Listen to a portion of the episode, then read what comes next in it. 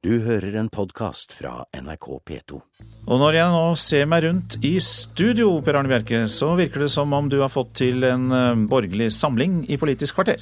De ikke-sosialistiske partiene er enige om å kaste Jens Stoltenberg, men hva er de ellers enige om?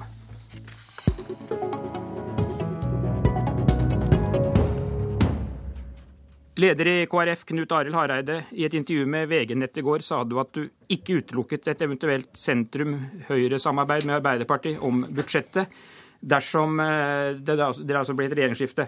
Hvordan kan du gå til valg for å få en ny regjering, og samtidig åpne for et budsjettsamarbeid med de nåværende regjeringspartiene? Ja, KrF vi tok lærdom av den strategien vi la i 2009. Da var vi for, eh, syns vi sjøl, at det var ikke for avklart nok det vi sa om regjeringsspørsmålet. Derfor så har vi i 2013 lagt en strategi der vi er tydeligere. Vi sier at stemmer du på KrF, så stemmer du for å få en ny regjering, en ny ikke-sosialistisk regjering. Og KrF mm. ønsker å være en løsning for å få til et skifte. Og samtidig åpner du for et budsjettsamarbeid med de nåværende regjeringspartiene? Det blir eventuelt et spørsmål jeg må se på når vi vet hvilken regjering vi får.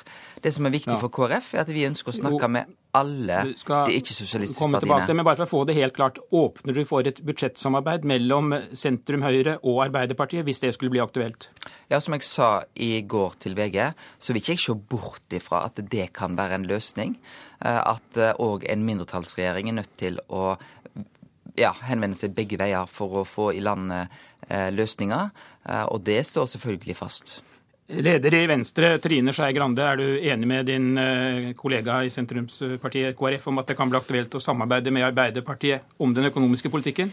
Ja, Det som Venstre har sagt, er det samme som KrF. Vi ønsker at et borgerlig flertall skal gi en ny borgerlig regjering. Vi ønsker selvsagt en, en blå-grønn regjering som, som, vårt mål ved dette valget, og det er det vi går til valg på. Og Da ser vi at en blå-grønn regjering kan samarbeide med ulike veier. Vi ønsker at de fire borgerlige partiene skal samarbeide, men opplever at Frp sin borgerlige budsjettboikott åpner for at man også må kunne samarbeide på andre løsninger hvis man ikke klarer å finne sammen. Men vi ønsker jo at man skal klare å finne sammen. Men eh, da har vi fått klarlagt at dere begge to kan åpne for et budsjettsamarbeid med Arbeiderpartiet. Ketil Solvik-Olsen, om tre dager velges du til nestleder i Fremskrittspartiet. Nå er du med meg på telefon på vei til et bedriftsbesøk i Hedmark. Hva synes du om at dine mulige samarbeidspartnere åpner for å samarbeide om budsjettet med Arbeiderpartiet? Fremskrittspartiet har i åtte år sagt at vi vil ha en borgerlig samling for å gi et eh, alternativ til dagens regjering. Da er det uheldig hvis en begynner å diskutere plan B og plan C og sånn som vi her hører KrF og Venstre gjør. Det vi bør sikre, det er å kommunisere til velgerne at en ny regjering vil du få ved å stemme på Frp, Høyre, KrF eller Venstre.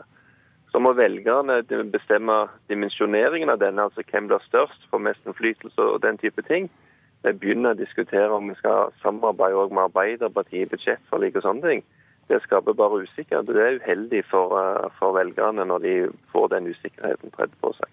Jan Tore Sanner, nestleder i Høyre, ser du det som naturlig at en sentrum-høyre-regjering, hvis det er det det skulle bli, samarbeider om budsjettet med Arbeiderpartiet? Jeg syns at det er en eh, helt unødvendig spekulasjon hvor du hopper over svært... Det er ikke jeg som har satt den i gang. Nei, men, men hvor man eh, hopper over svært mange ledd. For det første skal vi vinne valget først. Eh, det er det aller viktigste. Og så begynne å spekulere i hva som skjer dersom at, hvis om at det, det syns jeg er helt unødvendig. Det sentrale det er at alle de fire partiene har sagt at blir det borgerlig flertall, så blir det også borgerlig regjering. Det er det viktige. Og vi har i løpet av de siste par årene samlet oss om mer politikk, ja langt mer politikk, enn det de rød-grønne partiene var enige om før valget i 2005. Det blir en mer næringsvennlig politikk, det blir en større satsing på frivillighet, det blir større investeringer i veier og skole, og det blir en større satsing på frivillighet. Det er det spørsmålet folk stiller seg. Eh, hvilken politikk blir det? Og vi er enige om politikk, ny politikk for Norge. Men, men du svarte ikke helt klart. Utelukker du at dere kan komme til å samarbeide med Arbeiderpartiet for å få en, et budsjett? For dere må jo ha et budsjett hvis det blir en borgerlig mindretallsregjering? Svaret er at jeg har ikke tenkt å bruke tiden på den type spekulasjoner. Jeg syns det er helt unødvendig spekulasjon. For det første så skal vi vinne valget. Så har alle de fire partiene sagt at vi skal sette oss sammen rundt bordet og diskutere løsninger. Hvem skal danne regjering, og hvilken politikk skal den regjeringen føre? Og vi ønsker en så bred borgerlig regjering som mulig, og at den regjeringen skal være ønsket av alle de fire partiene. Å spekulere i hva som skjer i andre, tredje, fjerde og femte ledd, det syns jeg er helt unødvendig nødvendig tre-fire måneder før valget. Nå skal vi vinne valget, og vi skal ha en ny regjering for Norge. I morgen åpner Fremskrittspartiets landsmøte, og Siv Jensen har sagt at hun skal ha seg frabedt at de andre partiene avlyser FrPs program. Ketil Solvik-Olsen, hvilke programposter er det dere absolutt ikke vil avlyse? Vi inngår jo ikke noen forhandlinger i media. Eh, og vi kommer ikke til å ha noe... Det er jo det dere har gjort da, når dere sier at dere ikke skal avlyse programmet deres. Nei, men det er jo noe vi må respektere alle partier for, at en skal gå til valg på sine løsninger. Så vil størrelsen eh, etter valget bety noe for hva gjennomslag en får. Men, men, det vi har sagt er våre viktige saker, det er en kamp for eh, å kutte sykehuskøene. Det er for å få et nytt system der du kan raskere og bedre bygge ut vei og jernbane i dette landet. Det handler om å ivareta pensjonistene bedre, eh, fjerne avkortninger, av pensjoner og den type ting. Bedre justispolitikk, en strengere innvandringspolitikk. Det er jo saker som er viktige for oss, viktige for våre velgere. og De vil vi jo kjempe ekstra hardt for å få gjennomslag for i regjering.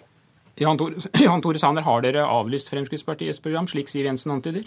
Nei, det har, vi, det har vi ikke gjort. Eh, snarere tvert imot så opplever jeg at eh, mange av de punktene som Fremskrittspartiet har tatt opp, det er punkter som eh, alle partiene kan være enige om, og vi trekker i hvert fall i, i samme, samme, retning. Og så er det ingen hemmelighet at eh, det er ulike syn både mellom Høyre og Fremskrittspartiet og mellom Fremskrittspartiet og, og sentrumspartiene i en del enkeltsaker. Men det viktige er hva vi er enige om, og hvilken retning vi, vi trekker i. Jeg syns det er helt greit, eh, selvsagt, at Fremskrittspartiet trekker frem hvilke punkter de vil slåss for i en, i en ny borgerlig regjering. på samme samme måte som KrF og Venstre har gjort det. Eh, og så står vi sammen om veldig mange viktige saker for Norge. Ja, nå skal vi komme inn på en del problemstillinger som dere må snakke dere sammen i hvis det skulle bli borgerlig flertall. Dere må gjerne svare kort nå. Er det mulig å gjennomføre de store ambisjonene dere alle har når det gjelder samferdsel uten bompenger på flere av de nye veistrekningene, Solvik-Olsen?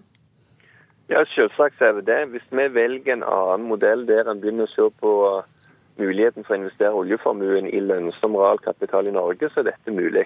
Det er ikke nødvendig å øke skattenivået for å bygge mer vei i Norge. Og ikke minst er det unødvendig å låne penger fra utlandet for å bygge vei i Norge, sånn som vi i praksis gjør i dag. Vi låner penger dyrt fra utlandet og sparer de billige i oljefondet i utlandet.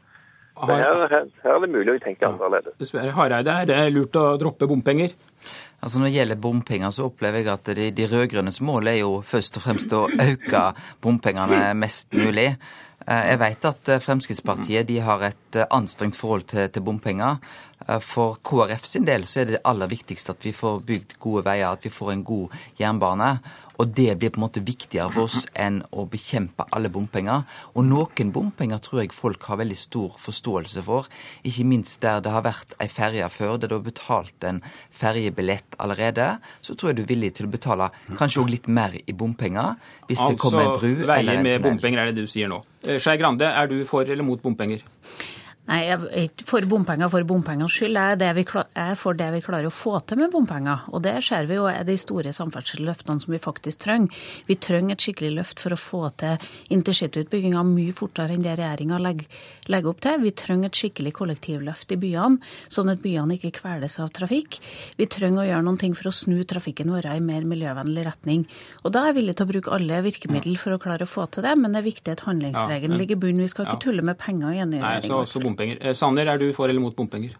Jeg er eh, veldig enig i den innfallsvinkelen Knut Arild Hareide har, nemlig at eh, de rød-grønne syns å være mest opptatt av å få gjennomslag for bompenger. Vi er mest opptatt av å få gjennomslag for, for vei. Eh, vi aksepterer bompenger når det er nødvendig for å få realisert viktige prosjekter. Og så er det viktig å, få frem at det alle de fire partiene er enige om, det er at vi må bruke nye utbyggingsmetoder for å bygge flere veier, kollektivtransport, raskere. Og vi er også enige om at mer av oljepengene vi bruker inn i norsk økonomi, skal brukes til investeringer i infrastruktur. Det var en av de viktige bærebjelkene vi fikk på plass da vi behandlet perspektivmeldingen i Stortinget for et par uker siden. Men eh, her var det vel tre mot én, Solvik-Olsen? Det er riktig det, men jeg eh, merker at når vi er rundt og gir en helhetlig bilde av hvordan handlingsregelen i dag har masse hull, hvordan vi i dag sparer pengene til lav rente i utlandet, mens vi låner penger fra utlandet til høy rente for å bygge veier, så ser folk at dette er meningsløst. Bompenger er ikke bare dårlig fordi det er en ekstra skatt, men det er dårlig fordi det er en dyr måte å bygge vei på. Da skal vi se på handlingsregelen. Er den eh, absolutt, Trine Skei Grande? Ja. Eh, Knut Arild Hareide?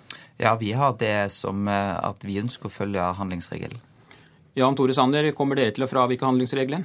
Handlingsregelen har tjent eh, Norge godt, men det er viktig å huske på at eh, handlingsregelen handler om to forhold. Det handler om hvor mye penger man skal bruke. Der er det en kjent sak at eh, Fremskrittspartiet på den ene siden, Høyre, KrF og Venstre på den andre siden har litt ulike synspunkter. Men handlingsregelen handler også om ett forhold til. Det er nemlig hva vi skal bruke oljepengene på. Og der har de fire partiene slått fast at vi skal investere oljepengene i kunnskap, infrastruktur, vekstfremmende skattelettelser. Den delen av handlingsregelen har de rød-grønne partiene gått bort ifra. Den vil vi holde fast ved. Solvik-Olsen, eh, vil dere fravike handlingsregelen for å få gjennomført alle løftene deres? Vi ønsker å forbedre handlingsregelen med at vi i statsbudsjettet begynner å skille mellom Betyr det å bruke mer oljepenger?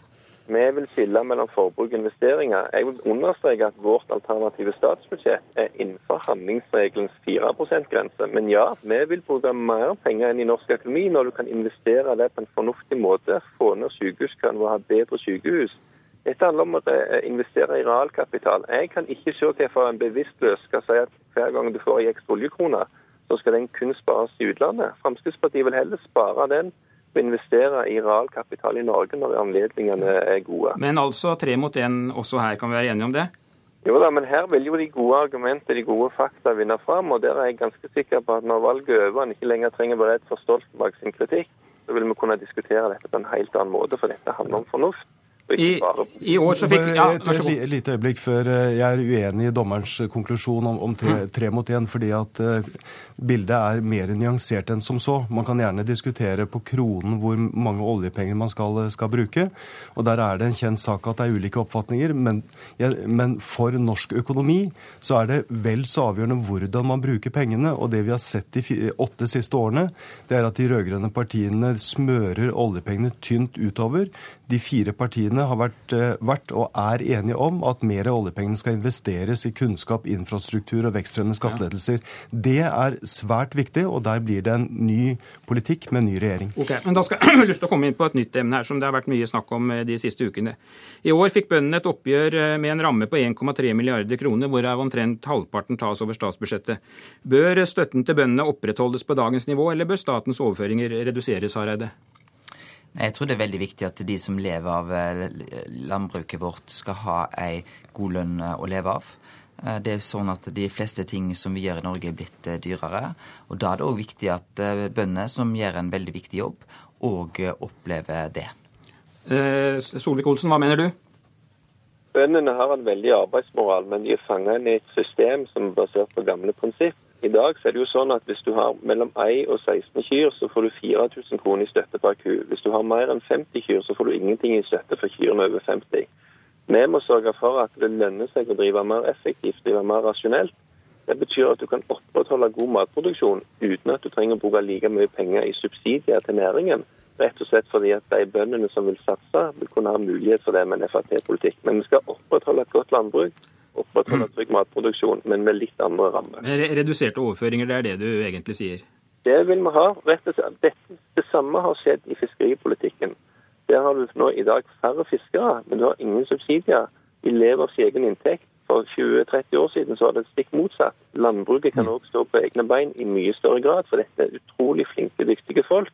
Men de må få lov til å produsere det de kan, ikke bli fanget av et system der Senterpartiet tenker gammeldags og planøkonomisk. Skei Grande? Nei, For Venstre er det viktig at bøndene får tilbake makten over sin egen drift. At de igjen blir sett på som selvstendig næringsdrivende. Vi ønsker å beholde støttenivået på dagens nivå, men vi ønsker å gjøre det om.